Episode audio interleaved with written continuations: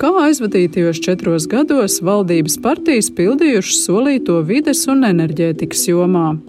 Kas noticis ar iepriekšējo vēlēšanu aktuālāko tematu - obligātā iepirkuma komponenti elektrības rēķinos un kāpēc politiskie spēki ilgstoši nepildīja apņemšanos vairāk izmantot atjaunīgos energoresursus, tā mazinot atkarību no Krievijas gāzes.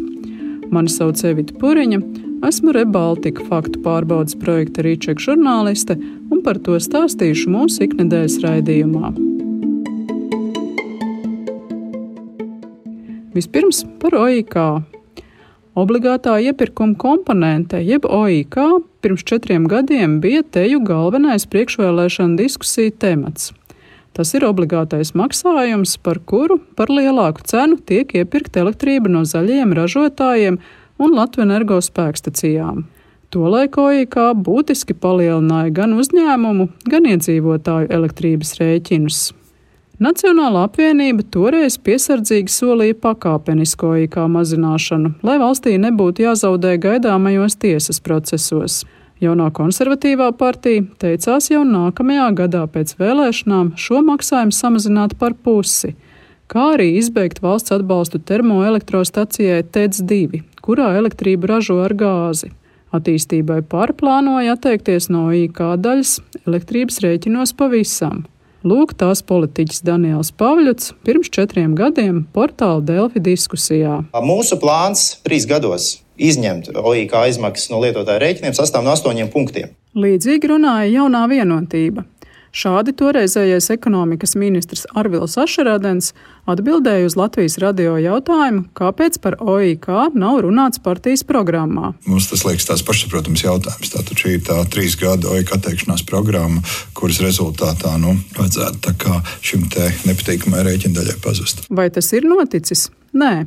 OIK no elektrības rēķiniem nav pazudis, taču ir būtiski samazināts četru gadu laikā par 66%. Turklāt lielākais kritums bijis šogad. Arī TEC 2 šis atbalsts nav atņemts, bet gan ievērojami samazināts. Turklāt tas lielā mērā darīts izmaksas kompensējot no Latvijas energo dividendēm. OIK maksājums rēķinos sarucis arī tādēļ, ka pa šiem gadiem lielai daļai mazo ražotāju pārkāpumu dēļ atņemtas atļaujas tirgot šo dārgāko enerģiju OIK sistēmā bet vēl citi atteikušies paši. Jautāju tagad Ašarādenam, kāpēc OIK nav likvidēts pilnībā. Ejot caur ekonomikas ministrijas, to teica, ka mēs ir noteikti bāze, līdz kuram to var samazināt, bet uh, viņa noteikti paliks. Un vēl es gribu teikt, ka mēs neesam vienīgā valsts Eiropā, kur tādā veidā subsidē, lai attīstītu zaļo enerģiju. Jāņem arī vērā, ka tagad saistībā ar kopējo elektroenerģijas cenu kāpumu obligātā iepirkuma komponente veido pavisam nelielu daļu no patērētāju maksājumiem.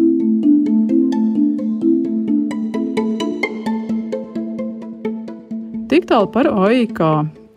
Turpināšu par tematu, kas īpaši aktuāls kļuvis pēc Krievijas iebrukuma Ukrainā, Latvijas enerģētisko neatkarību un atjaunīgajiem energoresursiem.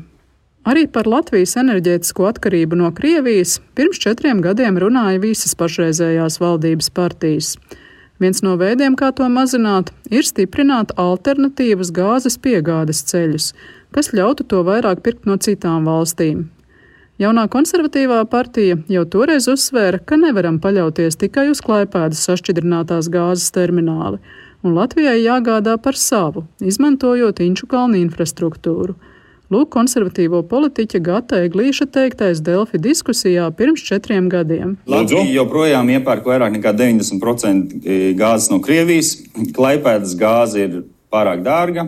Un vēl nav zināms, kas notiks ar viņu to kuģi, ko viņi ir atvilkuši. Tagad jau 24. gadā beidzās līgums. Tā ir tikai infrastruktūra. Pēc ir vajadzīgs jauns, jauns piegādes avots. Arvils Ašarādens no jaunās vienotības runāja par starpsavienojumu izveidi kaimiņu valstīs un atbalstīja arī termināli. Neliels gāzes termināls Skultē vai Rīgā var dot ļoti labu efektu. Pa šo laiku atklāts gan Igaunijas, Somijas, gan Lietuvas, Polijas gāzes starpsavienojums.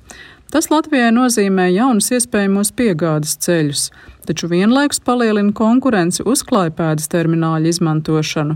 Piemēram, ļauj ar to saņemt gāzi arī Polijai.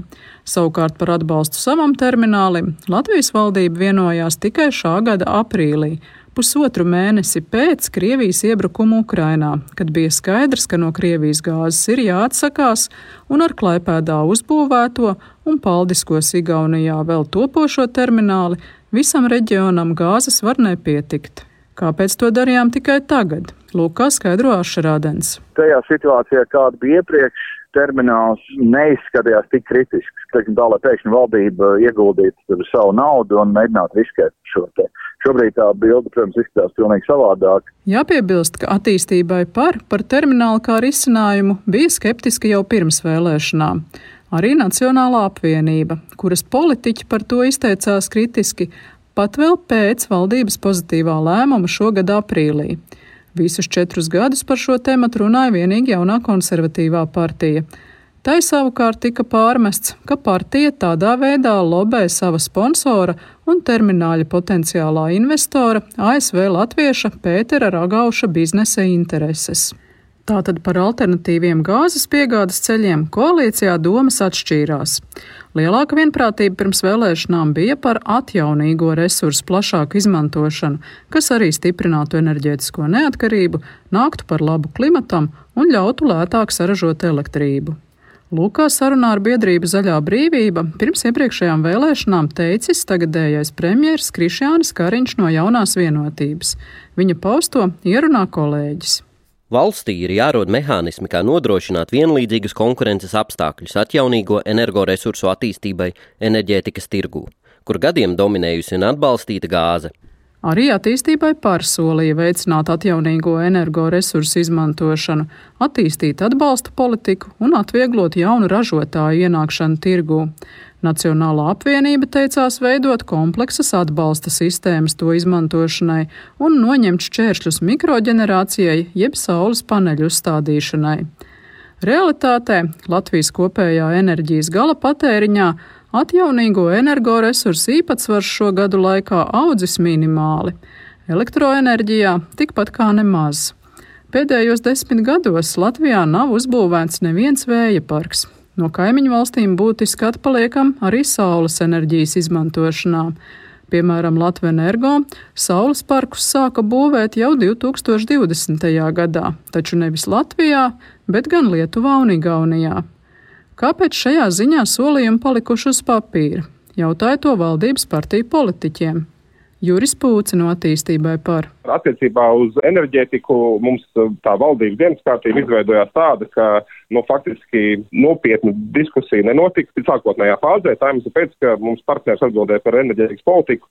Viņa vienīgā tēma, kas šajā jautājumā interesē, bija obligāta iepirkuma komponente. Ašradens no jaunās vienotības saka līdzīgi. Lielā mērā man ir grūti pateikt, gan pašas savas neizdarības, gan arī politiski dažādu manipulāciju rezultātā ņēmāmies ar Oiku, kas, protams, arī bija uzlika arī tādu diezgan noteikti zināmas grūtības, lai to darītu. Pagājušā gada jūnijā koalīcijas partneri padzina no valdības KPVLV.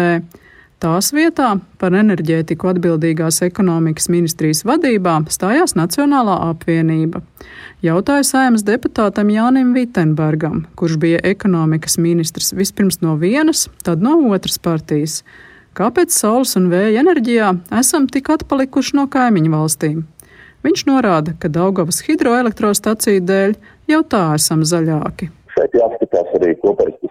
Ja, ja mēs esam Eiropas Savienībā top 5 no šīs elektroenerģijas, ko mēs saražojam, izmantojam atjaunojamos energoresursus, ja tad tā situācija iet labāk nekā Lietuvā un Igaunijā. Vitenbergs, tāpat kā Pūcina attīstībai par, uzsver, ka vēl pirms energoresursu cenu celšanās tika pieņemti svarīgi plānošanas dokumenti, piemēram, Nacionālais klimata un enerģētikas plāns, kurā paredzēts būtiski palielināt atjaunīgo energoresursu daļu paredzēti tam Eiropas atveseļošanas fonda līdzekļi. Arī Latvijas energo un Latvijas valsts mežu vēja parku koprojektu esot plānojuši jau sen. Tiesa valdība to skatīja tikai pāris dienu pirms kara, kad elektrības cenas jau bija debesīs. Tikai maijā valdība apstiprināja likumprojektu par atvieglotu kārtību vēja elektrostaciju būvniecībai. Šovasar pieņemta atbalsta programma saules paneļu uzstādīšanai un mazināti šķēršļi atjaunojamo resursu ražošanai kopienu ietvaros. Visbeidzot, Nacionālā apvienība solīja celt ēku energoefektivitāti, tajā skaitā sakārtot likumus un noteikumus. Apvienības deputāts Aleksandrs Kirsteins pirms četriem gadiem. Mums ir viena no zemākajām ēku energoefektivitātes, viena no zemākajām rādītājiem.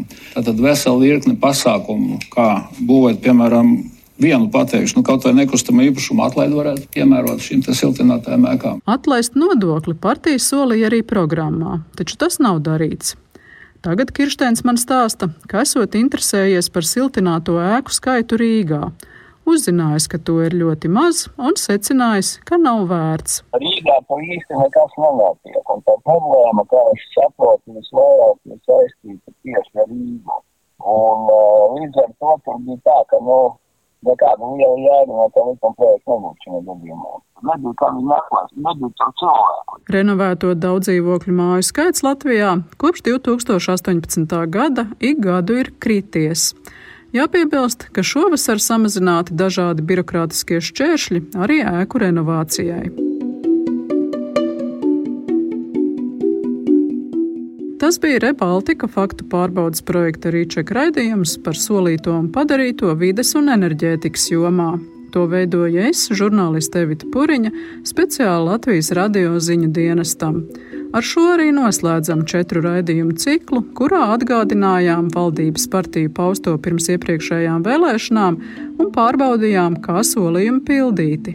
Plašāku informāciju meklējiet sabiedrisko mediju portālā LSM un Rebaltika interneta vietnē.